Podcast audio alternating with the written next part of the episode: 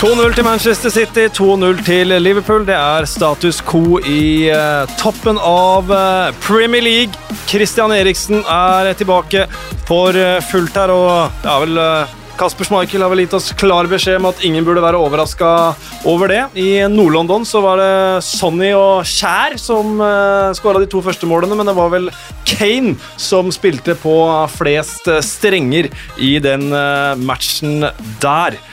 På Old Trafford så fikk uh, Manchester Uniteds håp om en topp fire-plassering nok en stygg ripe i lakken. Kun 1-1 mot Leicester der. Nedrykksstriden den turer videre. Det er fortsatt et gjeng med lag som gjør så godt de kan med å holde seg midt på tabellen. Så får vi se hvor vi ender til slutt med det som er sikkert, at vi er tilbake med en Premier League-podkast etter landslagsoppholdet. For pause har det ikke vært. Det er veldig viktig.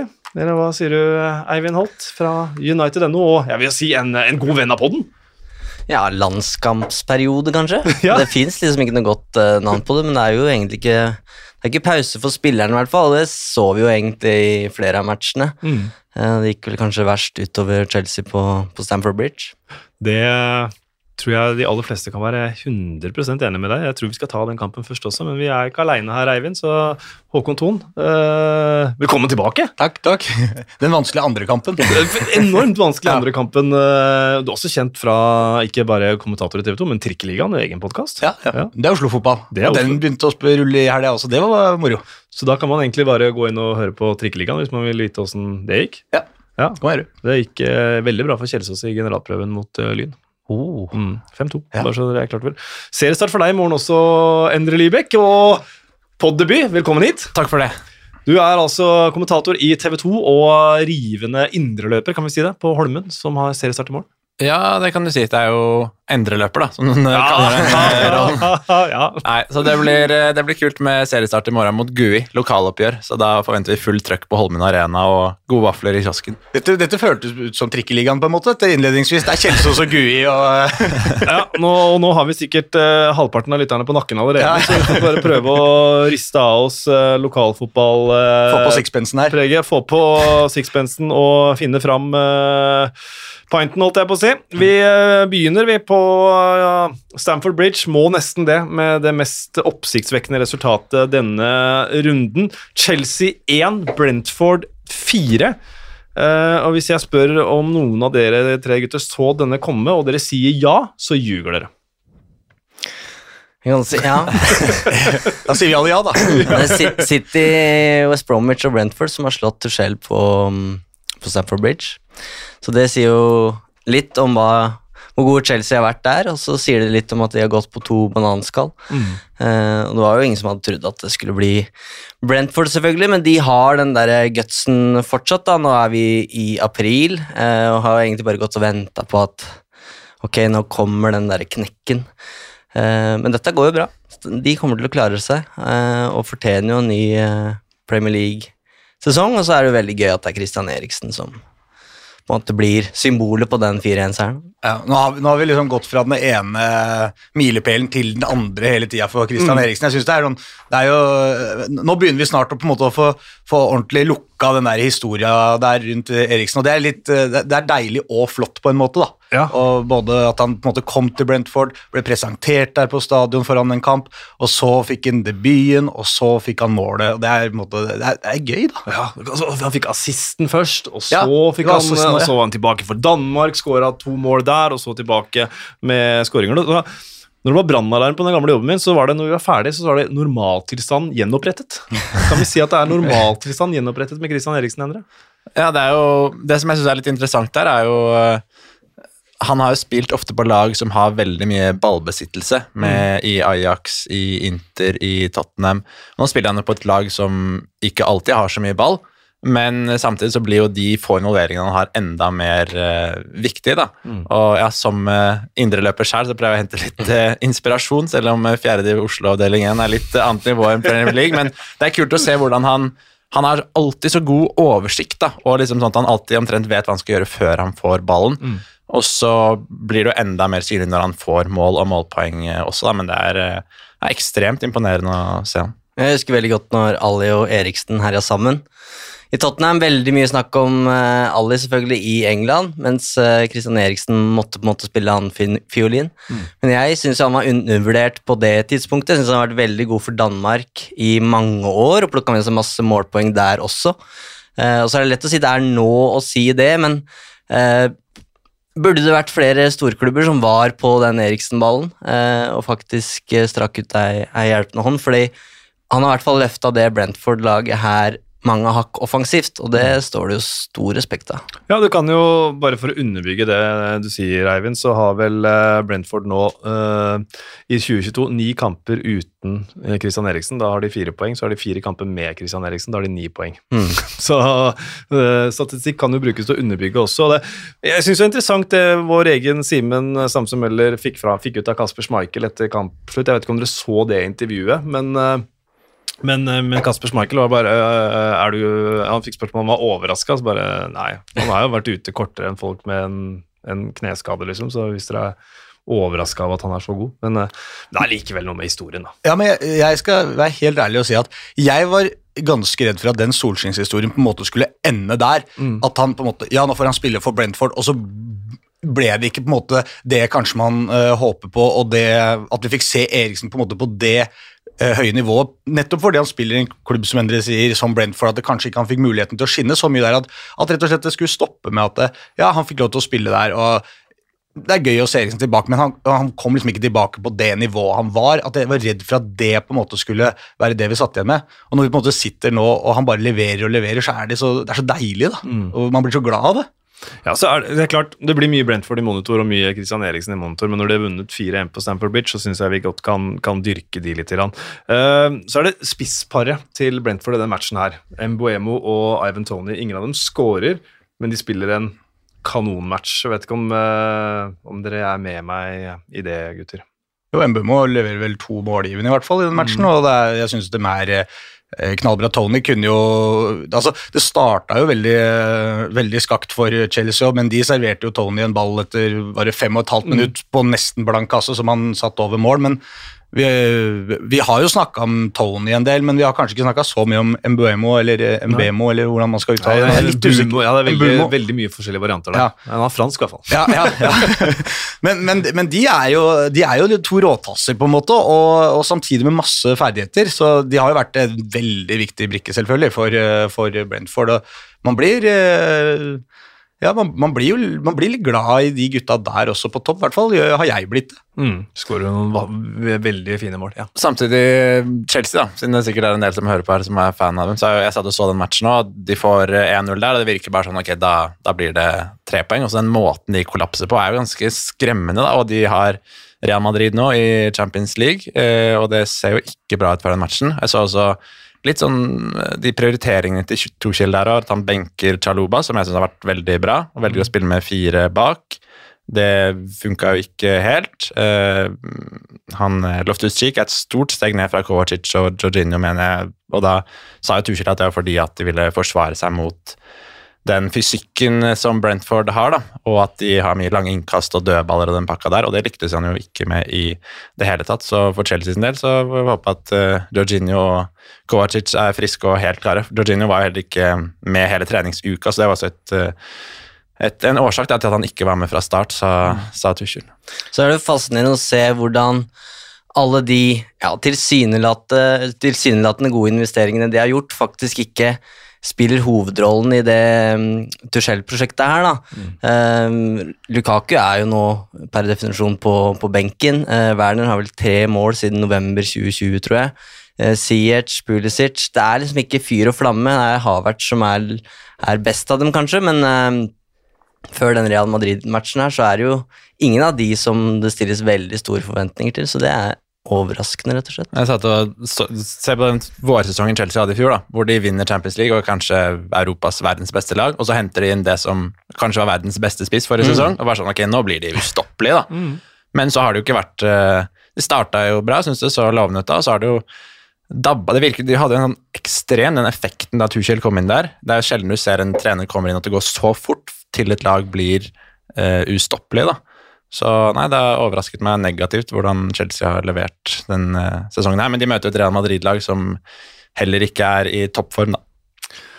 Nei, det, det gjør de jo for så vidt ikke, men så er det noe med Santiago Bernabeu og Benzema og sånn. Det var en tur der mot PSG, så jeg tror det blir, eh, tror det blir bra, jeg, for, eh, for de nøytrale tilskuerne. Men det er vel bare fem poeng ut av topp fire nå for Chelsea. Det er så helt eh, eh, riktig, Håkon. så Men det, de, er, det er vel mulig å bekymre seg litt for det, eller? Absolutt, de burde se seg litt over skulderen nå. De har fem poeng ned til Tottenham, som har én kamp mer eh, spilt. Og så kommer eh, Arsenal halsende bak, så det står nok mellom de tre, sånn som det ser ut nå. Chelsea, Tottenham, Arsenal, hvem som tar de to siste Champions League-plassene. Nå har jo fortsatt Chelsea en, eh, en brukbar armledes avstand der, men de har Arsenal hjemme eh, i en kamp som kan avgjøre mye, selvfølgelig. Eh, ellers så har de Southampton og Westham i de to neste. altså, Ja, i de to neste.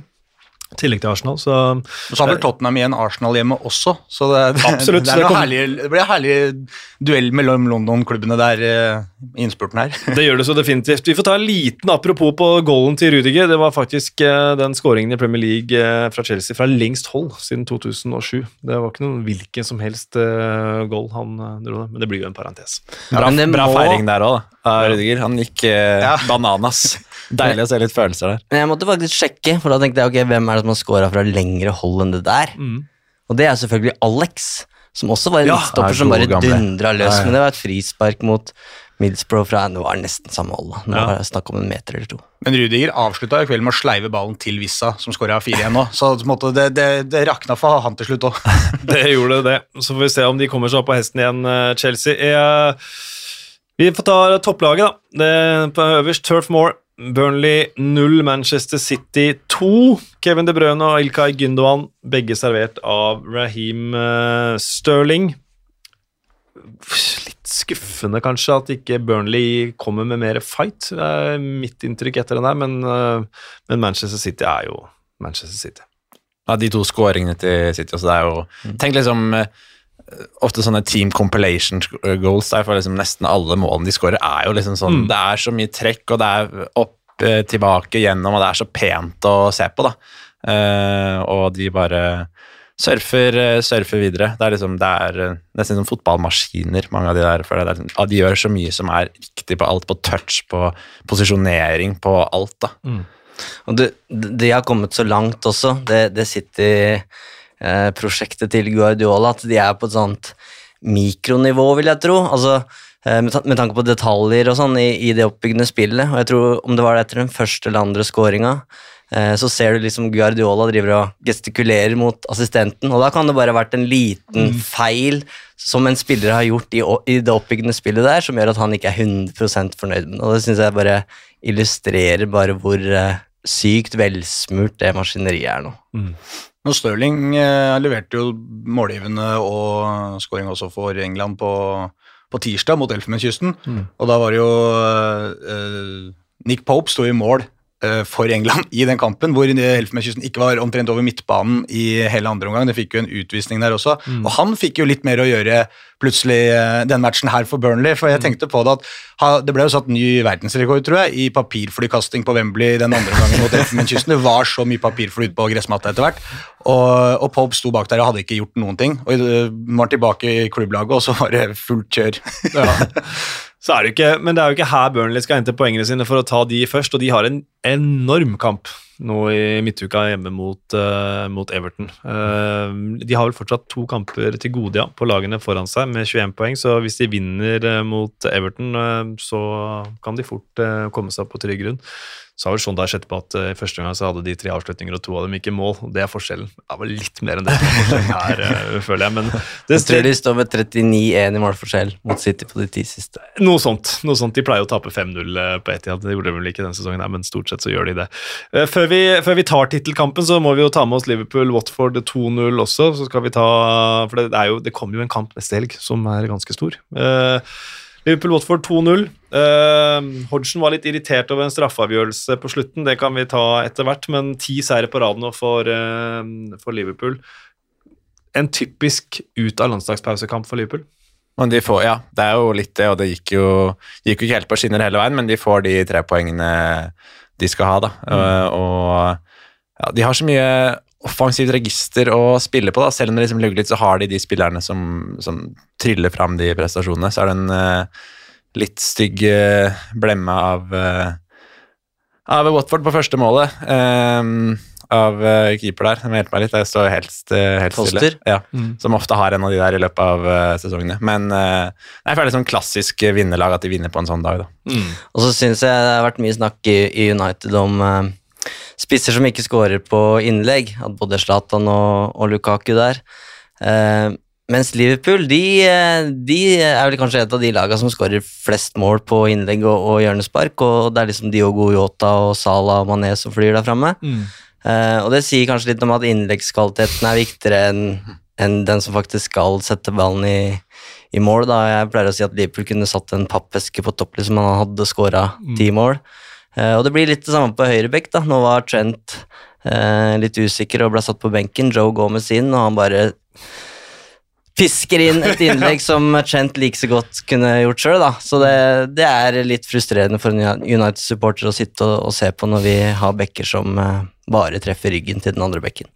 Men en ting jeg tenkte på, som dere kanskje la- la merke til Klopp på pressekonferansen dagen før, med at det var så viktig med at eh, folk måtte komme og støtte laget ordentlig til denne 12.30-kampen, og hvis man ikke hadde planer om å rope og hoie og skrike, så kunne man bare holde seg hjemme gi billetten til en annen. Det er sånn, jeg synes det er interessant. Jeg har aldri tenkt liksom på at de kampene er tamme og dårlig stemning. Jeg vet ikke om dere har, har gjort det, men det virka som det var en sånn greie at det var det som ble liksom overskriften etter den pressekonferansen, men det virka som det her var en greie for, for han, da.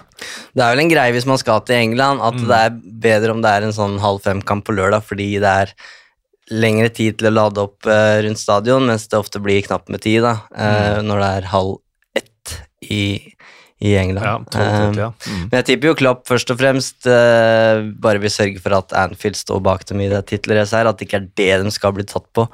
Men uh, ja, for de som så United Leicester, så, så tror jeg ikke det er noe problem med engasjementet på Anfield om dagen. Jeg tror det. Ja, men Det er vel kanskje noe med både tidspunktet på den kampen og også motstanderen. på en Ja. måte, At du har Watford der. At det ikke tar dette for gitt. på en måte da, altså Vi trenger dere også når Watford er her. Mm. Kaster eh, rett og slett uh, hansken ut til uh, supporterne og får det svaret han vil ha, Klopp. Så han er jo en, han er en mester i kommunikasjonen. eh, det er det ingen som helst. I hvert fall i medgang. uh, men det er det mange som er, gode- mange som er gode da.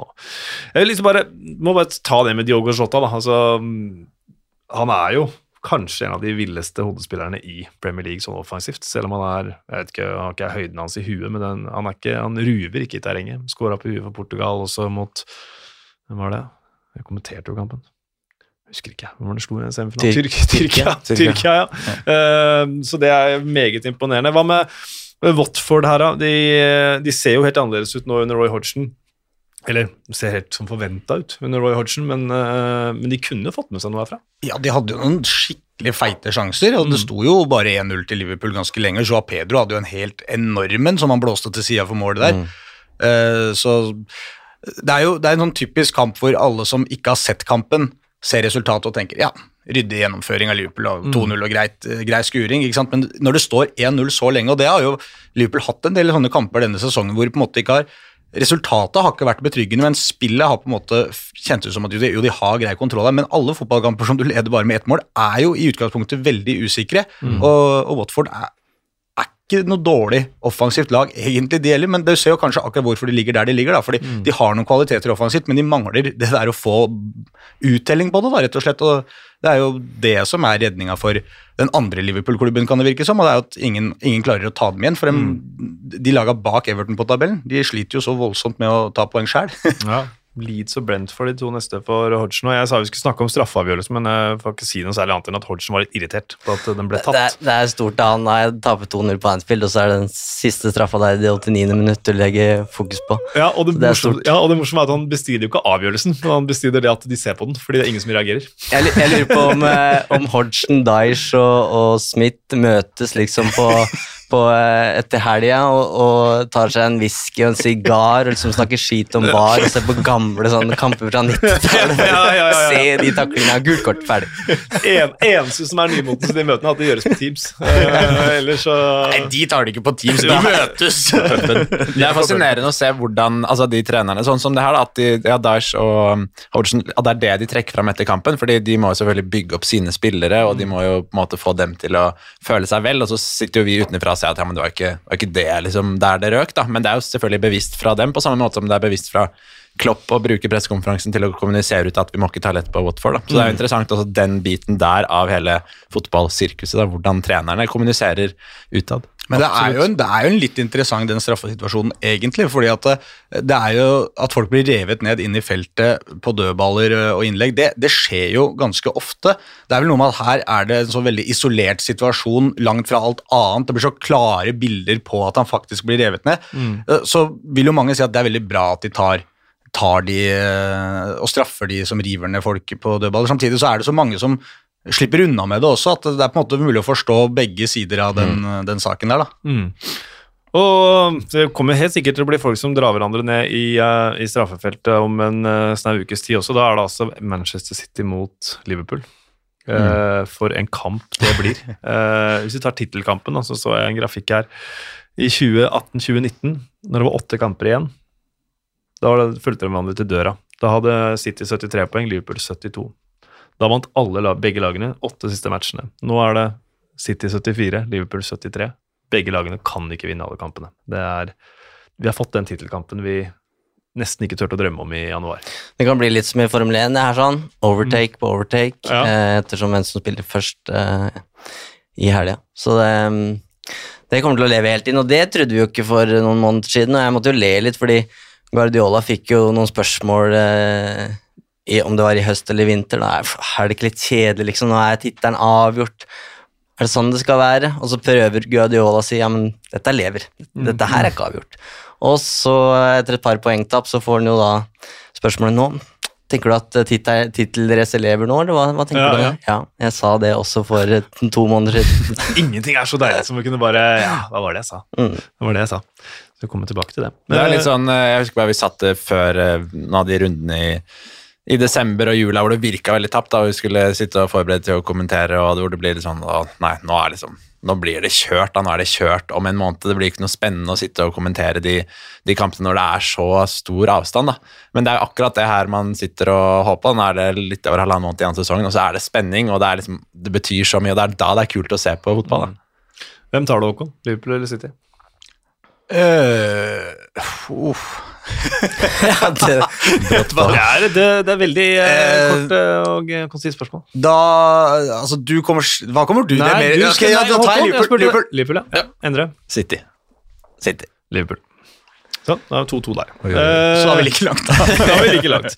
Tottenham, Newcastle i eh, går, altså søndag 5-1. Vi jobber oss kronologisk nedover tabellen. eller Det var ikke helt kronologisk, i og med at vi starta med Chelsea, men uh, la gå. Tottenham er oppe på fjerdeplass. Uh, Conte sa etterpå at det var bra, han så den rette reaksjonen. Han snakket om modenhet uh, i laget sitt. Conte varierer jo litt fra uke til uke, hvor man uh, syns det her er kjempetopp å være i Tottenham, eller om man eh, ser seg om etter noe annet. Så akkurat det er nok kanskje litt frustrerende for noen supportere, men det som ikke er frustrerende, er det som leveres på banen, for nå ser Tottenham eh, meget, meget bra ut, Eivind. åtte Spurs-spillere med målpoeng. Ja. det er sterkt. eh, og halvparten av de var sikkert wingbackene. Eh, og det virker som det er nå det wingback-systemet til, til Conte virkelig begynner å få fart på seg, da, med Emerson og, og Doherty på, på kantene der. Eh, og Det virker som det kanskje gir Kane og Son og nå også Kulisevski litt bedre arbeidsforhold i midten der. At de får litt plass til å faktisk gjøre det uh, gjøre det de gjør best, nemlig å bare samarbeide om å skåre mål. Uh, mens de andre tilfeller så i hvert fall under eh, Nuno så syns jeg det virka som at de fløy litt i beina på hverandre. Eh, så nei, imponerende av uh, Conte. eh, og så er det også verdt merke, syns jeg, at for noen uker siden så, så lo man at Conte skulle vært United-manager, og nå sier de at vi burde angre. Så det går opp og ned. Ja, ja, ja, det går opp og ned. Men altså, kun Liverpool har flere poeng, og ingen har skåra flere mål enn Tottenham i 2022 i Premier League. eh, Håkon, er du overraska av at eh, det har blitt så mye, eller så gang på Tottenham? Sånn Altså, nå? jeg, jeg, jeg følte jo ikke sant, De hadde Son og Kane, de to, ja, gode. Eh, og Spesielt når begge to kunne spille. Så var de litt sårbare for at hvis en av de ikke spilte, eller ikke hadde dagen, så, så fungerte ikke heller han andre på en måte. Nå har de fått inn eh, Kulusevski der, som jeg føler er liksom nøkkelen. De har, de har trengt den der tredje offensive kraften som faktisk bidrar, sånn at det en av de kan faktisk ha en litt off-dag. Du ser på veldig mange av de, de alle, Hvis du skal helt opp på det øverste hylla, da, så se på Liverpool, det trekløveret som man har snakka om der i mange mange sesonger. ikke sant? Man trenger litt flere strenger å spille på, og jeg vil kanskje mer der at jeg er overraska over at Kulusevski faktisk har bidratt såpass eh, solid som han har gjort. for han har vel var det to skåringer og fem målgivende eller noe sånt på ti kamper. Og det er jo det er jo kjempegode tall eh, såpass tidlig i, i karrieren i Tottenham. Så det, jeg tror det er mye av nøkkelen. Og så er det, som du er inne på også, dette med, med wingbackene som Jeg snakka med en kamerat som er Tottenham-supporter, og han, som han sa han har jo klart å få helt middelmådige wingbacker til å bli veldig gode. som han sitter med en følelse av, i hvert fall. da. Så, Akkurat som i Chelsea. Ja, ja. ikke sant? Litt det samme, da. Altså, Wingbackene har jo blitt på en måte det, den moderne fotballens store snakkis, hvordan man skal få i gang. Man ser på Det er nøkkelen i nesten alle de beste laga. Og, og det virker som Tottenham jobber med de eh, samme tinga da, for, som de aller beste laga for å komme seg opp dit. Wingbacker og, og den der offensive krafta da, som de, de har. Det kunne nesten blitt sånn greie, sånn eh, tv2.no-saker om ti år. Hvor har det blitt av vingbekkene til Conte? Hvor er Victor Moses nå, liksom? Jeg, vet ikke, Han får jo gull ut av gråsteinene der, da. Men det som er interessant med Kulusevski, det var det så um, Lazio Juventus i høst, og han, når han ikke er i form, når han ikke er i humør, da er det, da er det en sånn spiller som blir en hakkekylling blant fansen, der, for da er furter han, og da henger han med hodet, og sånn som den matchen, den perioden han var inne i Juventus før jul, da gikk det fryktelig trått, da. Og da blir det fort han fansen skylder på når det, går, når det går dårlig. Men når han kommer i den flyten, når han er i den formen han er i nå, da er det jo bare god stemning. Men jeg blir spent på å se når han får litt motgang, for han er jo fortsatt ung. Eh, og når, han, når det da butter litt, så pleier det å butte veldig. Og da er jeg spent på hvordan han takler det, og hvordan fansen ser på det. For nå er det jo nesten bare sånn solskinnsdager for, for han, da. Men det er det når de i tillegg da har Kane og sånn der, så kan de tillate seg at Kulusevski ikke hver kamp er på sitt aller beste. da. Og det var jo litt, det var jo ikke bare Kulusevski ikke sant, som sleit i Juventus. På en måte, det, laget sleit jo, mens Tottenham kan jo på mange måter eh, De kan dra seg gjennom det da, med, med Kane og sånn. Det har de jo vist eh, i mange sesonger, at de to kan i seg selv være nok. Men du følger jo italiensk fotball tett også, Endre, og Bentancour overrasket over at han har tatt steget så bra som han har gjort? Mm, nei, egentlig ikke. Jeg syns han er uh, Han er veldig bra, men han er en sånn spiller som uh, Hva er det noen som sier det med Busquets? At hvis du ser på kampen, så ser du ikke Busquets, men hvis du ser på Busquets, så ser du kampen. At han har jo ikke så mye mål og målpoeng, men den roen han har med ballen, uh, det at han ofte slår de pasningene fremover i banen, at han ikke bare slår på tvers, sånn som ofte Høibjerg gjør. Jeg syns man har sett det over flere år i serien. Jeg ble litt overraska over at Juventus slapp han, egentlig, men de har jo ekstremt mange alternativer sentralt der. da. Men jeg synes det har vært kult å se. Han har nesten fått litt sånn renessanse i, i karrieren sin. Og det er veldig mange føler jeg, som følger engelsk fotball, som kanskje ikke følger italiensk så tett, som blir litt sånn skeptiske. Ok, to stykker i Juventus som ikke har levert kjempebra denne sesongen, skal inn her og, og, og liksom gjøre Tottenham bedre, men det har de jo absolutt gjort de første månedene her, da, Kulusevski og Bentancour. Så jeg vil si at det har vært vellykkede signeringer sjøl. Ja, også i forlengelsen av, av, øh, av det Altså, Kane øh, er jo det kan Tom spørre- Brady? Ja, det kan jeg spørre deg som både midtbanespiller og glad i Serie A, øh, Endre. Altså, Harry Kane og Antonio Conte, det er jo sånn at okay, du tenker, er det en match? Altså, Kane, Mm. Conte og Lukaku var en kjempematch, men Kane er en helt annen type. Men det ser ut Mm. til at de har funnet hverandre, de òg. Ja, veldig bra. Det virker som Kane, litt sånn som eh, Håkon eh, var uh, inne på. Altså, han, han har jo så mye annet å spille på, så han har jo ikke bare det at han kan være spiss og, og strø, strøm seg, men han er en quarterback-rolle nesten, da. eh, Tom Brady-referansen her. Med at han virker som han har en sånn rolle at han kan komme ned og hente litt, kan strø litt, og du ser hele det registeret hans, da. Si for eksempel eh, mange andre av de toppspissene som eh, bare er inne i boksen, og som ja, som han kanskje kan sammenligne Kane med på tidenes toppskårer i Premier League og alt det der, men Kane har så mye mer som fotballspiller, da, som virkelig har fått sett under Conte. Som du ser, han- den måten han blomstrer på, den igjen da, den evnen Conte har til å få ut det aller beste av spillerne, er jo veldig imponerende. Laget skårer fem mål, toppskåreren skårer ikke, men allikevel banens beste. Det tenker jeg det er belegg for å hevde, uten at jeg skal øh, Apropos italienske eller signeringer fra Italia. Christian Romero virker som en Mm. solid uh, stopper. Ja, det er vel uh, få stoppere som er bedre enn han i Premier League akkurat nå. Og så er det også med Konta, det var jo Jeg så noen uh, prate med Lars Peder Hellerud, Tottenham-supporter. Det var litt sånn eh, intervjuet han ga for en, to måneder siden, hvor han sa at det var 1 sjanse for å klare topp fire. Da var det mange Tottenham-fans som var sånn Ok, er det det her vi skal se fram til i våren 2022, da? Men eh, der og da så virka det kanskje ikke helt sånn. Fordi, men nå har de tre seire på rad. De vant jo omtrent annenhver kamp en periode, men nå er de inne i, inne i en bra flyt. De har bare Premier League å fokusere på, og de er vel inne på topp fire for første gang siden september. Stemmer. Så um, nei, det ser bra ut, uh, ser bra ut for Tottenham. De, når de liksom får den flyten, så er det jo gøy å se på. da, Underholdende, underholdende fotball. Og hvis de da får inn Nå har jo Doherty gjort det ålreit etter hvert, og Emerson Real skåra i helgen. Men hvis de får inn to wingbacker som er noen steg opp der, så kan det der bli veldig, veldig bra, tror jeg. Mine two cents er jo at eh, Matt Doherty eh, var egentlig den beste wingbacken i Premier League i Wolverhampton. Og at han har bare vært i dvale. Han er, han er dritgod. Du hadde, Men, eh, du hadde vel en spådom på det også, med Doherty, som ser ut til å Det ser ut som at det går greit, det. Går. At eh, han fikk sin renessanse likevel. Men uh, tusen takk igjen, dere fått en innspill på. Måtte spille deg opp der. Ja, ja, det er veldig, veldig godt, det godt å høre. Uh, nå ble jo Newcastle statister i den kampen, her, så da blir de statister i den gjennomgangen her også, men tre strake tap nå for Newcastle etter ni strake ubeseira. Uh, er ikke helt ute av faresonen ennå, Eddie House-mannskap, men nå skal de i hvert fall hjem og spille på St. James' Park etter fire strake bortekamper. Eh, Og Oddsen på at Chris Wood er Newcastle-spiss neste sesong. Å, den er fryktelig lav, tenker jeg. Mulig han er i stallen, men, eh, men altså, oddsen for at han bare ble kjøpt for å svekke Burnley, den, den kommer jo til å komme opp eh, noen historier om det, det er jeg nesten sikker på. Eh, apropos spådommer, jeg trodde jo ikke Eddie Howe skulle sitte til april, så jeg treffer ikke på alt. Langt derifra. Uh, Westham, Everton 2-1. Uh, Moyes, Lampard, Derby, kall det hva du vil. Uh, nesten forventet uh, Utfall Westham opp på sjetteplassen forbi Manchester United. Flott frispark av Cresswell. Litt vanskeligere enn det trengte å være, sa Moyes. Vi fortjente mer, sa Lampard. Tja.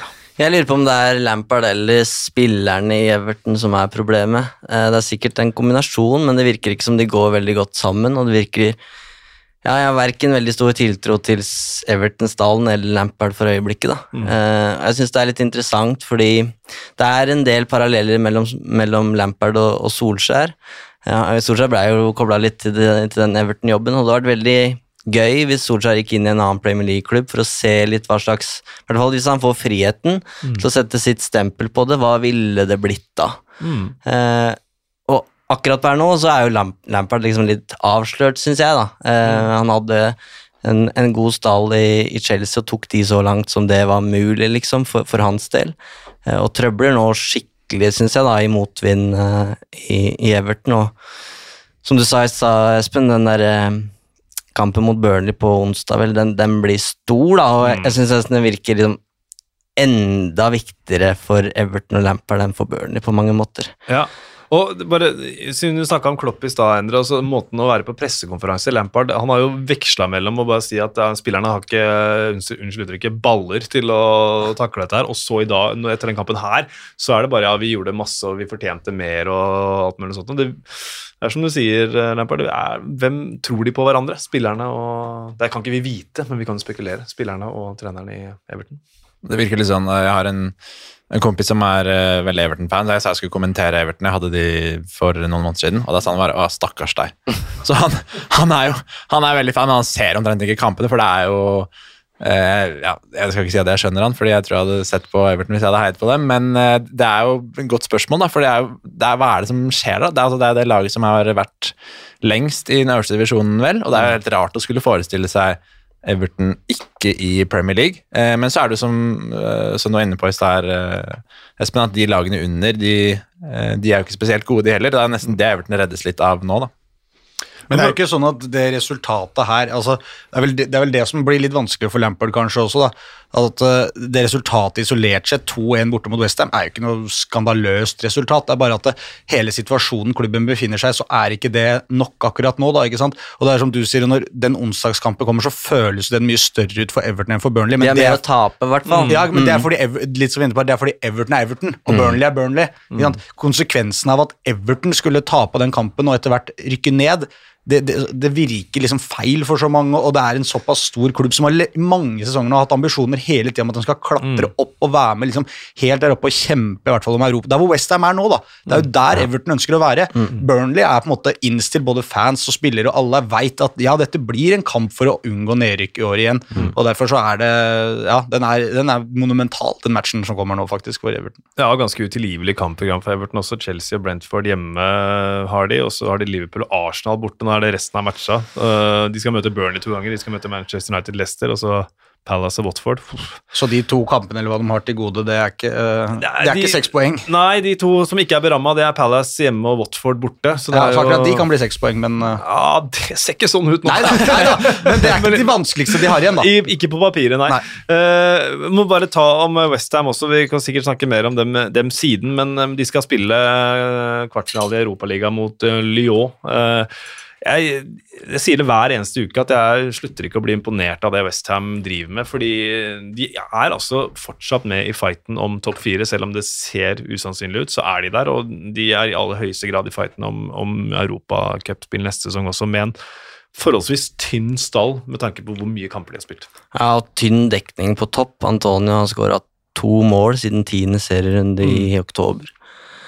Åssen er det da mulig å ligge så høyt på tabellen med David Moyes som manager eh, når laget heter Westham? Det, det er litt absurd. Eh, Vi så litt hvorfor i går. Eh, Antonio bommer alene med keeper, og Jared Bowen tilbake igjen og setter returen. Der har du kanskje svaret Ja, han har jo vært utrolig utrolig viktig, men det har også vært en sånn trend, syns jeg. Jeg måtte sjekke toppskårerlista, for det er ikke så mange reine spisser som, som banker i mål. Det er Ronaldo og Kane står begge med tolv. Eh, og så er det Even Tony på elleve, tror jeg, og Vardy på ti. Mm. Så det er ikke en spissesesong uh, uansett, men at de har klart seg uten, uten Antonio, på en måte, da, i hvert fall i, med tanke på skåringer, det er eh, imponerende. Men apropos toppskårer, da. Engelskmannen engelske med flest mål i topp fem-ligaene denne sesongen. I alle turneringer. Vet dere hvem det er? Det er Sikkert Tam Abraham, da, Ja. som du sitter her. Ja, ja men det er jo det er, For det er jo en interessant greie at de spissene ikke bøtter, eh, bøtter inn. Men samtidig Vestland da, med det frisparket til Cressfield der, er sånn jeg fikk så sjukt eh, De var jo inne på det i studio, da, men Beckham-vibber med liksom foten hans som stopper opp der. Eh, og ja, Det er kult å følge Westham. Så blir det interessant nå. da, den jeg hadde den sist Tottenham Westham, da hadde de jo spilt Europaliga rett før, og da så de veldig slitne ut. Og nå skal de ha to Europaligakamper til, og de er jo litt uvant for dem å ha kommet så langt i Europa. Det blir jo spennende å se den slitasjen på en litt eh, tynn uh, dekning innimellom uh, der, eh, inn i sesonginnspurten. da. Manchester United, Leicester 1-1, Eivind. Ja. Det er som den byturen du angrer på når det har vært tre uker pause for United, da, for den kampen mot Liverpool ble utsatt. Um, så det er litt sånn når du våkner søndag morgen etter å ha vært på byen eh, første gang på lenge, liksom, og det bare slår deg idet huepinen setter inn ah, Det var derfor jeg ikke drev med det der. så det er en uh, mygg som driver og suger blodet ut av United-fansen. Den har fått jobbe ganske lenge nå, um, og det store spørsmålet, liksom rundt Old Trafford har jo vært Er, er sesongen over, liksom? Er, er, det, er vi ferdige nå? Eh, Paul Pogba satte jo to streker under svaret da han sa at sesongen er død, i et intervju i, i landslagspausen. Så måtte Ralf Ragnhild inn og reparere litt der og si vi skal levere det beste vi kan. Vi skal avslutte med stil, uansett om det betyr topp fire eller ikke. Men det man da får servert på Old Trafford, når det er 70 000 United-supportere som kommer dit eh, og trenger eh, en bekreftelse på at det er vits å komme hit eh, også neste sesong, gi oss noe å tro på. Det er et desperat lag som akkurat har ryket ut av Champions League, og som veit hva det betyr å være med i den turneringa neste uke, neste sesong. Um, Skulle gjerne vært med neste skulle gjerne vært med neste uke. um, og så får man det man får. Altså, av, de laga altså På, på XG-lista den helga her, så var Manchester United nærmere championship enn en, en Champions League. Altså, de var i samme, samme klasse som Burnley og, og Norwich. Så hvor er den der desperasjonen, da? Eh, De har på en måte ingenting å tape, og så ender det med 1-1 eh, mot Leicester, så det er dessverre da bare en bekreftelse på at eh, her er det så mye råte. Ja, du var jo en av de første som fikk denne spådomgreia, røret mitt, rett i ansiktet, Eivind. Eh, Og Du sa da at du trodde at Ole Gunnar Solskjær kom til å sitte til april. Skulle du nå ønske at du fikk rett, sånn som det har sett ut etter at Ragnhild tok over? Jeg kan i hvert fall si at det hadde ikke vært så stor forskjell, Nei. fordi det 2-4-tapet mot Leicester eh, i oktober eh, Det var på en måte starten på slutten. Da samla Solskjær eh, troppen i, i garderoben, og det tok lang tid før han kom ut i intervjuene, liksom. Og der var det oppvaskmøte. Det var ikke noe sånn Ferguson-hårføner, men en skikkelig sånn Ok, karer, hva er det som er gærent her? Hvorfor, hvorfor, hvorfor får vi det ikke til? Um, og den matchen her mot Leicester, um, som en nøytral seer kanskje ville sagt, så var det faktisk Leicester som var, Ja. hadde fortjent å vinne den kampen, uh, og så best ut på Old Trafford. Uh, så det, det har jo ikke skjedd så mye, uh, hvis man sammenligner de to kampene. Da Solskjær fikk sparken, så var de seks poeng unna topp fire. Uh, hvis Arsenal vinner i kveld, så er de fortsatt uh, seks poeng uh, unna topp fire. Med en kamp mer spilt? Så hva er det som har skjedd under Ragnhild? Eh, jeg syns man bare må kalle en spade for en spade og si at det er ingen av de der ute på banen der som aner hva de driver med. Eh, jeg tror Alf Ragnhild er en veldig dyktig fotballtrener, men han har ikke klart å eh, få Manchester United til å spille som de vil. Eh, og hadde Ralf Ragnhild sittet her nå, så skulle jeg gjerne spurt ham hva hvis du fikk lede laget i tre år, hvordan ville laget sett ut i 2025? Hvordan ville United pressa mot Leicester? Hvordan skulle de skapt målsjanser?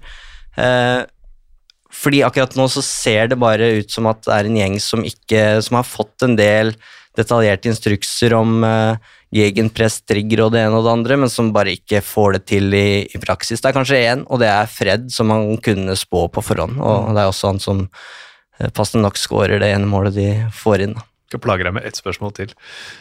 Uh, Marcus Rashford.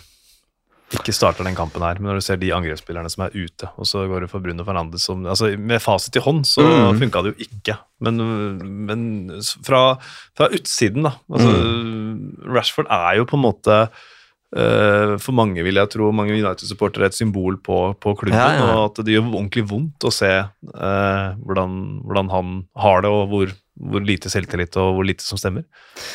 Ja, og Ragnhild sa jo at vi skal bygge Marcus Rashford opp.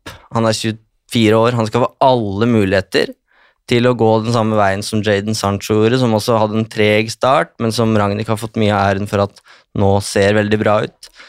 Eh, og så blir han vraka eh, av Gareth Southgate og får da tre uker til å bygge seg opp på Carrington. Eh, Ronaldo ute med sykdom på fredagen der, og da sier også Ragnhild etterpå at ja, da sto det mellom Rashford eller Pogba. En av de skulle inn, og vi gikk for Pogba. Og det må jo Én ting er hva som er det beste valget, men med tanke på hva Ragnhild har sagt, at vi skal bygge han opp, så er jo ikke det måten å bygge opp en 24 24-åring som nettopp har blitt hetsa av egne supportere og vraka fra landslagstroppen. Han, uh, uansett om han hadde fortjent det eller ikke, så, så tror jeg mange, de fleste Paul Trafford ville stilt seg bak den avgjørelsen om å starte Marcus Rashford, som er Manchester-gutt god som noen, fremfor Paul Pogba, som er på utgående kontrakt og sannsynligvis forsvinner et eller annet sted i, i sommer. Eivind snakker jo litt med, med hjertet også. Det er noe, det er ikke noe hemmelighet at uh, Eivind jobber for uh, United uh, ennå, så uh, kort, gutter. Hva sitter dere igjen med etter den matchen her? Dere må gjerne snakke om Leicester òg, hvis dere vil. Ja, ja, ja. Nei, men eh, Nei, det vil jeg ikke. Da. Nei, det er grei. Den er grei. men, eh, nei, men det er noe med at det, mange kamper med Manchester United eh, som man har sett den siste, egentlig de siste åra, da, så føler man litt at de har bygd opp en slags sånn falsk trygghet gjennom at de har eh, faktisk tatt en del poeng i kamper hvor de ikke har vært spesielt gode. De har ofte gjemt seg litt bak 1-0-resultater og de tinga her, og tabellplasseringa ser ikke så halvgæren ut. Der man er liksom med og kjemper om noe hele veien. Men eh, hvis man faktisk ser på kampene deres, og det på en måte Manchester United skal være da? Det, skal, det skal være, som du sier, Hva er grunnen til at hvis man skal komme og se Manchester United på, på Old Trafford, det er i hvert fall ikke det de serverer mot Leicester den helga her. For det er, eh, som du også er inne på, det, de har ingenting å tape her. Det er bare å gå ut og kjøre på, prøve å skape noe, prøve å blåse litt liv i eh, hjemmepublikummet her, og så er det så langt unna. Og det er litt sånn at man nesten går og tenker at kanskje det hadde vært bedre for Manchester United om de bare fikk seg noen reale kilevinker her og bare raste ned på en tiendeplass en sesong, bare sånn at det, nå må vi våkne. Nå må, vi, nå må vi kaste, nå må vi rydde opp ordentlig her, istedenfor at det blir et sånt møte som Solskjær har i ny og ne, og som du konkluderte med til slutt. Han spør hva er gærent, og så fulgte du egentlig ikke opp det, for det, er- det er ingen som har noe gode svar på hva som er gærent. De henter jo inn klassespiller på klassespiller. De prøver trenere, de prøver, eh, de prøver egentlig nesten alt, og likevel så står man igjen og har ikke fått et eneste svar på hva som faktisk er problemet. Man prøver seg liksom, det, det, Er det forsvarsspill, er det midtstopperen, er det Cristiano Ronaldo som plutselig er problemet? Det er så mange varianter og, og teorier på hva som faktisk feiler Manchester United, men ingen vet. Og, og jeg føler at de resultatene deres har på en måte ja, De har gitt dem den falske tryggheten på at jo, vi er, eh, vi er med og kjemper, men reelt sett så er egentlig ikke Manchester United med og kjemper, i hvert fall ikke der de ønsker. Nei, de er to poeng eh, foran Wolverhampton på åttendeplass. Det, det er status nå. Kan du ta Leicester uh, Lea, da? Gjerne. Gjerne. Det er bra generalprøve for dem før de skal spille Conference League-kvartfinale Ja. mot PSV på torsdag. Og um, hvis Leicester vinner den, så møter jo de vinneren av Bodø-Glimt mot uh, Roma. Så Leicester kan jo fort få et uh, trofé den sesongen. Her har jo masse å spille om. Uh, og så synes jeg det var kult, som du var inne på her, Espen, det intervjuet Simen um, gjorde med Kasper Schmeichel eh, også, da. Eh, og nei, spennende å, spennende å følge Leicester i sesonginnspurten også. Ja, De var skuffa etter ett poeng på Old Trafford. Det hadde jo egentlig all grunn til å være også. Det er en VAR-avgjørelse på slutten der, så når du, når du tar ned tempo, så ja, så er det frispark, men hvis du ser den i real time, så ser det ja, i mine øyne billig ut, da, selv om det er sikkert et frispark. Altså, jeg tror ikke Brendan Rogers kombinerte det besøket med jobbintervju på Old Trafford, eh, men altså det man skal snakke om nå da, i Manchester resten av sesongen, det er jo selvfølgelig fortsettelsen. Eh, blir det Ten Hag, blir det Pochettino? Og det jeg syns er så skummelt oppi det her, det er, det er veldig romantisk og altså jeg tror et Ten Hag-prosjekt som, som uh, kopierer det han har gjort i Ajax, vil være ti av ti på skalaen, men det er jo en viss risiko der. Det som skremmer meg litt, er at alt det håpet nå, det henges på den manageren som kommer inn. Eh, men det var jo det man skulle eliminere ved å sørge for at det er en skikkelig sportslig ledelse i klubben. Og det er det jeg syns er så rart, at man nå igjen er der at ok, vi venter på den store frelseren, og hvis han lykkes, så går det bra. Hvis han ikke lykkes, som ingen av, av forgjengerne har gjort, så, så står vi på bar bakke igjen. Da. Og det er ingenting av det som skjer bak, som tyder på at her er det lagt et skikkelig løp. Altså, de har brukt lang tid nå på manageransettelsen, det, det er for så vidt fint, men det er så mye som skurrer. Hva er Alf Ragnhiks rolle? Han kom inn eh, og skulle Det som nesten var mest spennende, er at han skulle inn i den konsulentrollen. Fortsatt så sier Ragnhild at han ikke er involvert i arbeidet med å ansette ny manager, så hvorfor er han der da? Eh, det er så mange sånne spørsmål. Hvorfor sitter Darren Fletcher, som er teknisk direktør, på benken og får gult kort fordi han eh, krangler med dommeren? Så det er ingenting som tyder på at strukturen som da skal stå bak den nye manageren og på en måte dytte han opp, de- den er ikke solid nok, da. Um, og det er det som, som skaper en bekymring, selv om det kanskje er eh, det er lov å drømme om at Ten Hag skal utrette mirakler, da, men det er faktisk det han må gjøre. Går det an å vekke livet i han Ferguson der, da? Med sixpensen på tribunen? Eller få inn sønnen, eh, sønnen eller noe? Litt Han må sånn- slippe. Nei, han sønnen tror jeg vi skal han driver bare og tar over Peterborough uh, fire-fem ganger og får sparken igjen, så jeg tror vi dropper Darren. Uh, men uh, kanskje. kanskje eh, Men Sir Alex har vel sagt at det er uaktuelt. Eh, vi, får, vi må komme oss videre. Vi har noen eh, matcher vi skal, eh, skal gjennom også. Wolverhampton Aston Villa 2-1. Wolverhampton som eh, ja, for halvannen måned siden så ut som outsider til topp fire, klart å plukke seg opp igjen og ligger nå ja, tolv poeng foran eh, Leicester i, på åttendeplass og vil fortsatt kunne presse Manchester United ut av Europa totalt sett. Eh, Det var din, din lørdag, det, Håkon? Det var min lørdag, Lilla Wolverhampton.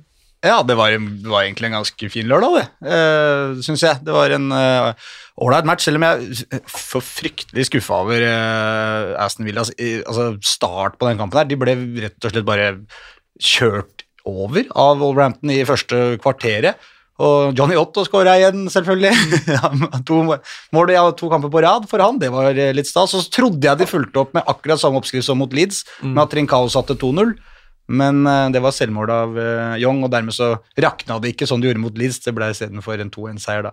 Men uh, nei, det er to lag det er begge, Både Wolverhampton og Villa er to lag det er litt vanskelig å bli litt kloke på. De noe, hadde noen voldsomme rekker der uten uavgjort, begge to. Og det går i sånne bølgedaler med to-tre seire, og så er det to-tre tap og to-tre seire. Det er litt bedre selvfølgelig for Wolverhampton enn for Villa, men, men det, er ikke, det er ikke to klubber det er lett å sitte og sitte og, ikke? Denne uka her så hyller vi Wolverhampton og syns Villa er, eh, er for svake, mens neste, neste runde så er det fort motsatt. Da. Så jeg, jeg, jeg, jeg syns vel kanskje ikke at Wolverhampton Uh, ser så solide ut at jeg tror altså Man må frykte dem, men jeg tror kanskje ikke de er gode nok til å, til å ta United der til slutt. da. Nei, kanskje ikke. Uh, Steven Gerrard han, det begynner å bli en gjennomgangsmelodi det, at han uh, førsteomgangen deres er for dårlig. Uh, så Der har har han en utfordring, men, eh, men utover det så har vi vært innom mange ganger at uh, Gerrard ser ut som the real deal på managerfronten. Så får vi se om det bare at vi er blenda av uh, merittene både på banen og oppe i eh, Skottland. Men eh, Jeg ser det ganske tøffe menn i England, Ja. eh, hvor det har vært veldig start-stopp. Det har vært de utrolige matchene hvor Coutinho har glitra, liksom. Eh, mens når Coutinho ikke har fungert, så har det sett ut som det gjorde mot Wolverhampton. Uh, jeg syns det er litt urettferdig, kanskje. da. Nå fikk han jo Coutinho inn og kan si at det er backing og alt det der, men det er ikke så lett å komme inn og skal på en måte bare snu Aston Villa til å bli et lag som kjemper om, om eh, europaplass, eller hva, hva det måtte være. Det må jo bare være å komme seg gjennom den sesongen her og stabilisere litt, og så er det jo neste sesong som vil være Mm. Gerard-testen, tenker jeg da. ja, de var, jo, de var jo på vei ned i nedrykkssumpa når han Mm. tok over, og der er de, de er milevis unna det. eh, Ja, de var jo nå. faktisk tabellnaboer, Wolverhampton og, og Villa. Ja. Da, det var 8. og 9., men det er jo på en måte der skillet eh, på tabellen går også, da. Men allikevel, han har jo Jeg tror jo Villa-supporterne har en veldig sånn og berettiget også optimisme for det som skal eh, komme. Og så er man ikke så opptatt av enkeltresultater, tror jeg heller, akkurat denne sesongen her. Nå, eh, Aston Villa sine kamper resten av denne sesongen er jo ikke de mest spennende for det nøytrale tilskuere, og heller nesten ikke for Villa-supportere selv, vil jeg tro. For det er som dere sier, at det er Kom seg gjennom det her nå. Eh, Gerrard eh, jobber med sitt, og han får jobbe litt sånn i det stille og rolige. De har stabilisert seg, som du sier, kommet seg vekk fra nedrykkssumpa. Nå, nå er det bare å sikte seg inn på neste sesong, og det, det blir ordentlig spennende faktisk å se hva Gerrard eh, kommer med da. Jimenez er toppskåreren deres, men, øh, og Hwang har fem mål. Men det er noen andre som har fem mål for Wolverhampton. Hvem er det?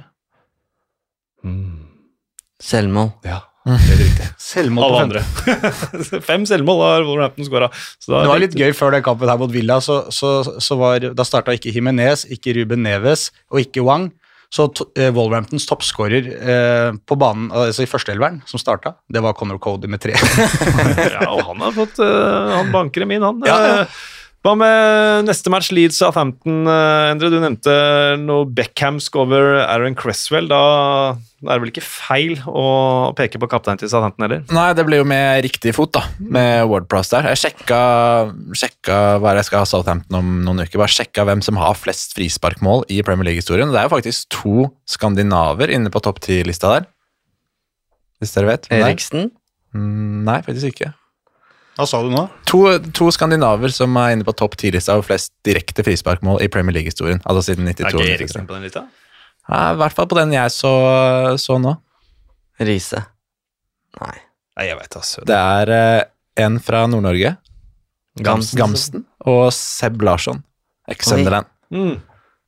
Selvfølgelig. De to banka jo inn noen, og det er jo det er Beckham som har flest, da. Nei, men det, jeg syns det var eh, Den måten han treffer på, og liksom de det er, så, det er så kult med spillere som spesialiserer eh, de variantene der, da. Og når de i tillegg gir, eh, gir poeng for Southampton. Eh, og så er det jo bare glede.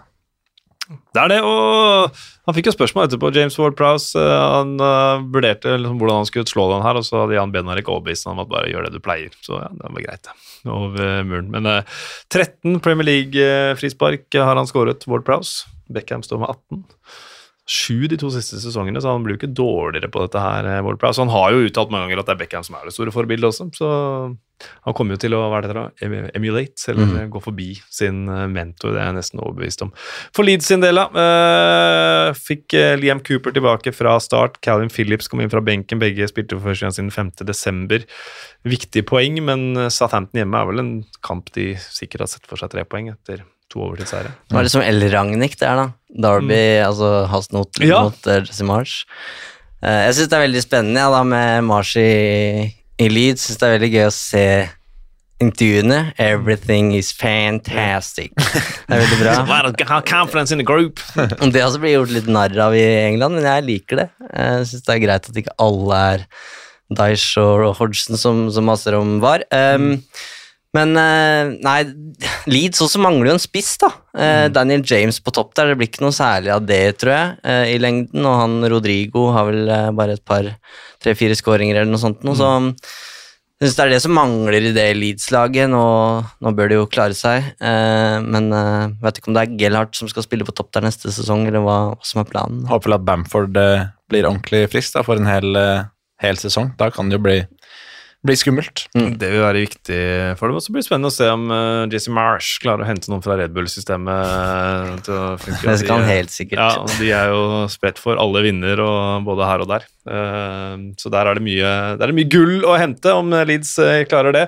Er nok eh, ja, Sikre er de på langt nær. Det er åtte poeng ned til eh, Watford og ni poeng ned til Burnley, men, uh, men sju poeng på de siste tre, det er, det er veldig bra for Leeds. Det, Det er det- føles jo litt ut som de er på vei ut av stormen, på en måte. At det, det begynner å roe Så er seg litt. rundt Phillips Leeds. tilbake nå Ja, ikke sant? Det er de tinga der jeg tenker på rundt klubben. At det, det, nå, nå- det, er, det, det, det fortsatt er litt regn i lufta, på en måte, men, men de er på en måte gjennom det aller verste stormen. Mm. Nei, jeg tenkte på de mm, Nettopp det her med Red Bull-systemet, som du sier. da, Det var jo det som mange Leeds-supportere er litt oppgitt på med, med mm, Bielsa, at han henta veldig få spillere. De, liksom, de måtte passe veldig inn i akkurat hans måte å tenke på, hans stil, og de, de forsterka seg omtrent ikke. Og holder de seg nå får, får henta inn noen forsterkninger i sommer som kan, eh, som kan gå inn og og heve dem, da, så kan jo det være noe positivt med at de har fått inn en ny trener. For det er jo ikke bare Frida gammen med Bjelsa, og det er jo litt sær kanskje på, på mange måter. Mm. Samtidig som jeg fikk vel også Jesse Marsh høre det litt fortere enn det Bjelsa har enormt mye å, mye å gå på der, så det blir spennende å se hvordan det bygget blir eh, videre.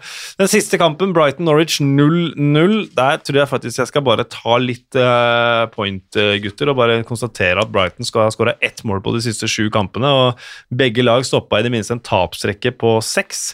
Så er det jo sånn i England at uh, de, lagene, de som er manager for litt svakere lag, de er veldig opptatt av når de kommer på Match of the Day, running order. For det er programmet på BBC. Uh, hvis du er sist på Match of the Day, så er det den minst viktige kampen. Og Dean Smith sa etterpå ja, jeg vet jeg pleier å være snakk om når på Match of the Day, nå er det spørsmål om vi kommer med på Match of the Day. Uh, den syns jeg var, eh, var fin. Eh, selvinnsikt der fra Dean Smith. Eh, Brighton har jo masse sjanser, bommer straffespark. Denne gangen så er vel kanskje den pipekonserten som kom i desember, eh, litt mer berettiga enn den var da. Ja. Mopé hadde jo bomma ikke på straffa, han hadde jo noen ålreit- ganske ålreite sjanser. Ja, ja. Det, og Krohl hadde noen fine redninger òg, skal sies, da, men det var jo Brighton som skulle ha vunnet, hvis noen skulle ha vunnet. Absolutt, men eh, ingen vant. Det ble 0-0, og Brighton de fortsetter å de, de detter egentlig ikke så mye på tabellen heller, for de har så mange poeng, men uh, nå ligger de iallfall på en 13.-plass med sine 34 poeng. Det er en del klubber som har uh, to ganske tørre måneder i, i vente i, i Premier League, som bare ligger og, og vaker. Ja, vi har Leicester, Villa, Southampton Palace, Brighton og Brentford som ligger i det sjiktet, og så kan vi egentlig trekke Newcastle, kanskje Leeds også opp i den, uh, den kategorien der, men vi uh, frykta at det ikke var noen tittelkamp i januar, så vi skal ikke avskrive nedrykkskamp for eh, Hvis du ser for deg, Espen, hele Premier League, alle Premier League-klubbene som et klasserom, at eh, hver og en klubb er en elev, så er jo på en måte Der Norwich er på en måte han litt bråkete som ikke har gjort hjemmeleksa si, Uh, som får litt kjeft av læreren. Nei, nei, Norwich Så- nei, nei, nei, Nei, nei, men- hør nå. nå må du høre på meg. Okay. Fordi Norwich er mer den der det eleven som, som gjør så godt de kan, og så innimellom og så klarer de dødsbra første termin, Ja. og så rakner det når det kommer mot og eksamen. Glem det. Ja, ja, ja, Veldig pliktoppfyllende og, Ja, det kan godt og på. veldig elskverdig. Du blir veldig glad i den eleven, og så blir du frustrert og lei deg. Og skuff, ikke skuffa, men på elevens vegne over at Kan du ikke bare levere én gang?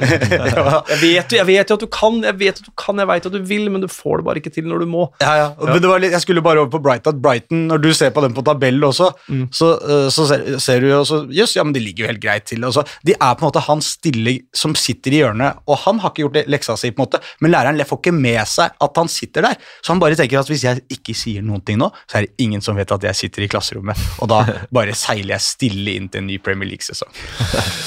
Det kan godt jeg kan være med deg på den, eh, Håkon. I kveld er det Crystal Palace mot Arsenal. Eh, det er jo uh, Patrick Vieira mot uh, Miquel Arteta. Da lagene møttes på Emirates i fjor høst, så var det litt sånn uh, brumming om at uh, Arsenal hadde ansatt feil tidligere spiller. Den brumminga er vel borte nå, Arteta er månedens manager. Og, men det her tror jeg kan bli en morsom fotballkamp. Det er gøy med Martin Ødegaard, og så er det flere vi har snakka om uh, i dag, som også har skandinavisk pass. Kulisevski. Eh, vi har ikke nevnt Kristoffer Ayer. Eh, han syns jeg gjør sakene sine meget bra i Mm. Brentford og har, har plassen der. Eh, Elanga starta for, for United, så det kan bli en veldig morsom sesong sett med norske, svenske og danske øyne neste sesong. Hvem vinner i kveld, da? Crystal Palace, Arsenal eller uh, ingen? Arsenal vinner. Arsenal vinner. Endre? Uh, jeg tror det blir uh, uavgjort. Um, det er kult med nytt London eh, Derby. da Hadde jo Chelsea Brentford i helgen nå. Den her i dag, så er det Champions League, og så er det Det var litt fotballtørr uke forrige Mm. uke. Da ble det litt eh, Netflix på meg, i hvert fall. Men denne uka her så tar det seg veldig opp da med fete kamper hver kveld. Så jeg ser frem til den i dag òg. Mm. Engelske lag i Europa også. Manchester City mot Atletico, Benfica mot Liverpool, Chelsea mot Real Madrid i Champions League, Westham Lyon i Europa League og Leicester mot PSV i Europa Conference League. Vi skal ta de faste spaltene før vi runder av.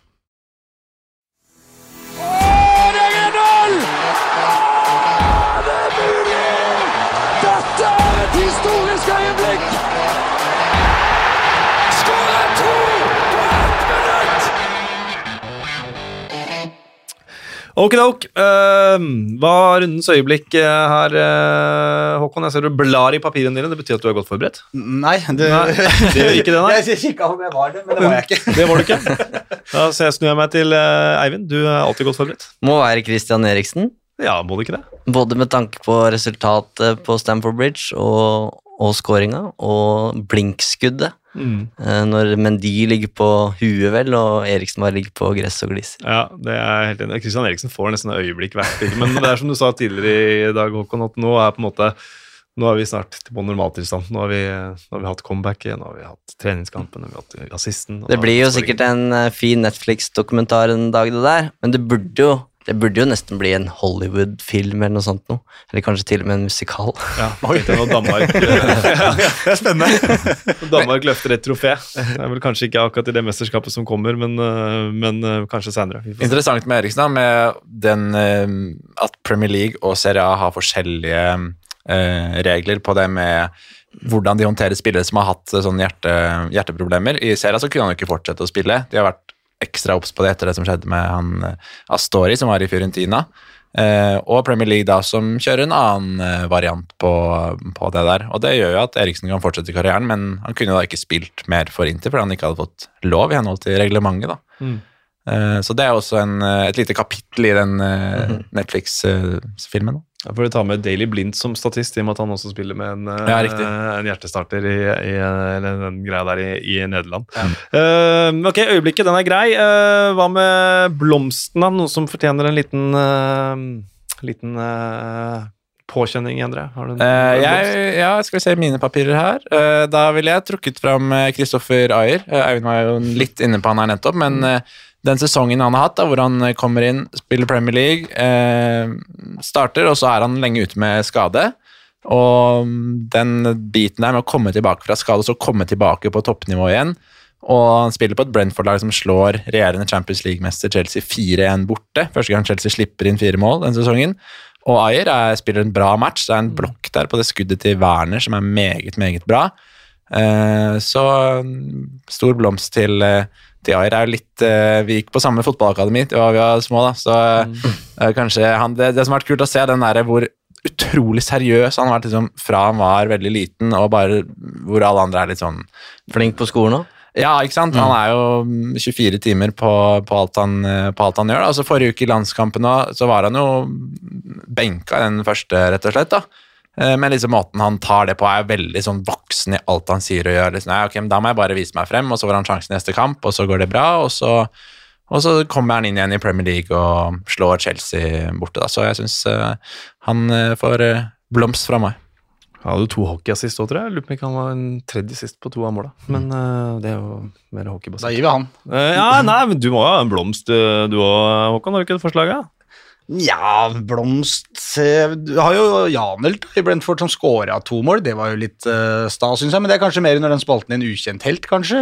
Hvis du fortsatt har den rullen å gå. Ja, En uventa en, ja. Ja, Eivind, har du en, en eh, blomsterbukett? Uh, Jeg hadde som Jan kan- helt på ukjent, for jeg, det er ikke hver dag eller hver helg jeg må google en tomålsskårer på Stamford Bridge, men jeg måtte faktisk det. Um, nei, Leicester-fansen kunne fått en liten kvast. Uh, mye snakk om Harry Maguire før den matchen her, som blei hetsa på Wembley. Eh, fikk ja, stående applaus fra både Leicester og United-fans. Den er fin. Så det, den er fin. I hvert fall, Jeg var jo på King Power Stadium på det motsatte oppgjøret. Da var det ikke noe blomster til Harry Maguire. Altså, da var det F off Maguire, we don't need you, we got Suyunshu. Så jeg slenger meg på den eh, og bruker eh, vetoretten i Sikkerhetsrådet. Og gir den til, eh, til Leicester-fansen for den, Eivind. Den var veldig fin. Så har Kristoffer Christopher Ayer fått sine sekunder i, i Ja. rampelyset her.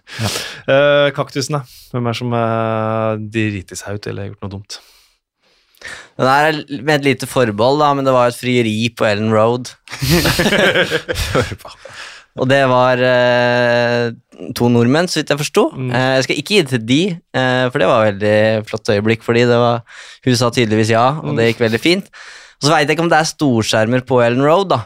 Nei. men i hvert fall så er det jo en eh, svær eh, brite som står foran det her eh, frieriet, og som bare nekter å flette seg. og så veit jeg ikke om han da ikke plukker opp at det faktisk skjer noe rett bak. Eh, men det går i hvert fall en stund, så du ser liksom bare akkurat tårene til, til hun som blir fridd til. Da. Så han burde flytta seg. Ja, eller, eller Siman burde prikke han på ryggen, men Ja. uh, han flytter seg etter hvert. Han ble etter hvert. Har du noen gang sett noen eh, si nei når det er sånn frieri offentlig? Jeg føler Det blir alltid god stemning, og sånn, men tenk hvis noen gang var sånn Nei, vi, vi utsetter det litt. Liksom. det blir- Passer litt dårlig nå, det er turnus på jobb, og nei vi Det er alltid god stemning av det. Ja, det blir stort sett det. Men fallhøyden, ja. Fallhøyden er enorm. Eh, ja, kaktus til den personen, da. Den uventa helten. da. Det har vært mye Brentford der. Eh, Jan Helt, når du måtte google tomålsskårer, den er jo eh, fin. Er det andre som er en helt som sto fram som man ikke hadde forventa? Altså, Ben Davies, da, som Ja, den er uventa at han skårer. Ja, egentlig flere ukjente på, på Tottenham Emberson som også skåra der, så Men morsommere kanskje med Ben Davies, syns jeg, da, som ukjent. Men, uh, men Janelt var jo Eller du, du, du har bytta navn på dette. Uventa Ja, helt nå. uventa. Ja, Det er ja. ingen som er ukjente lenger. Ut. Nei, nei, det er det. Men uh, Ja, nei, det da, er jo en rød tråd, for han kommer jo da selvfølgelig fra Red Bull-systemet. Selvfølgelig. Ja. Du selger inn godt nå, Eivind. Det er bra, det. Ok, vi avslutter med en uh, liten spådom, Eivind. Vi har jo allerede vært innom din første. Den, uh, det ble bom, Som ikke slo til. som ikke slo til. Har du en, uh, en spådom eh, å komme med? Det kan være et eh, Det kan være hva som helst. Ja, kan være et Ja, da må du gå andre veien først. Da, ok, Håkon. ja jeg, jeg var inne på Chelsea litt i stad. Kanskje jeg skal kline til og si at de detter ut av topp fire. Ok, Chelsea ut av topp fire. Den er grei. Endre? Eh, da sier jeg eh, Manchester United ikke Europa neste sesong. Det har vel bare skjedd én gang siste 32 åra, hvis mm. eh, kilden min er riktig her. Eh, men jeg ble sånn eh, Sitter og ser på det intervjuet med Rannik etter den matchen. Eh, nå har vi en som heier på Manchester United her, så han kan jo si han sa hva han følte og tenkte i stad, men jeg tenkte liksom De har spilt 1-1 mot Leicester, og Leicester kunne fint vunnet den matchen. og og liksom de sitter, Han er der og viste Det ikke noe sånn veldig sånn Det virka som det var, det var greit, og ja, ja, nå ser vi videre og at, jeg, jeg tror jeg hadde blitt ganske irritert da, hvis jeg hadde heiet på Manchester United og sittet og sett han stå der og jabbe, jabbe i vei. Eh, og det blir sånn, Før Manchester United liksom på sitt aller beste, så er det sånn, sitter liksom og Ok, nå kommer det en bølge, nå kommer det brølet når de scorer, og liksom det er trøkk. Nå er liksom Det er ikke i nærheten da, i, sånn som de var før. Og, men kanskje det er det de trenger, da. En sesong eh, uten, eh, uten europaspill. Men eh, sånn som Westham kommer nå, og sånn som forholdene er rundt der, så tror jeg ikke de klarer det. Hei, Eivind.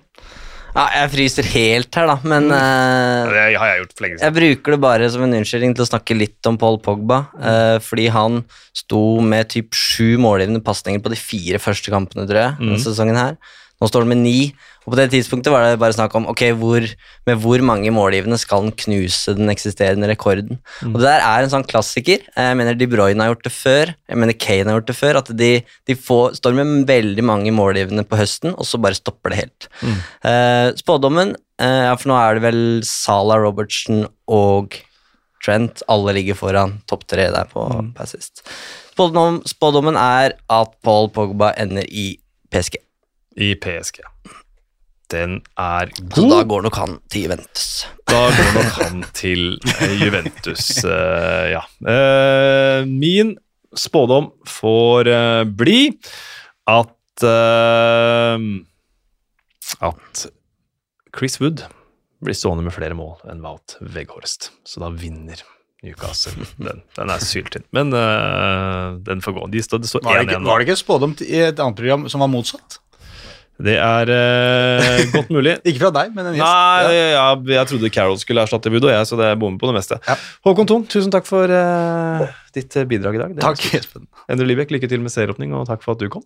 Takk for at jeg fikk komme. Og Eivind uh, Holt, tusen takk for din stoiske ro og ditt bidrag. Takk for, takk for meg. ja. Takk for at du lytter. Gå inn på iTunes og gi oss eh, stjerner. Gå inn på Twitter og gi oss ris og ros. Og takk til Moderne Media og Håkon som hjelper oss å lage denne podden. Vi hørs.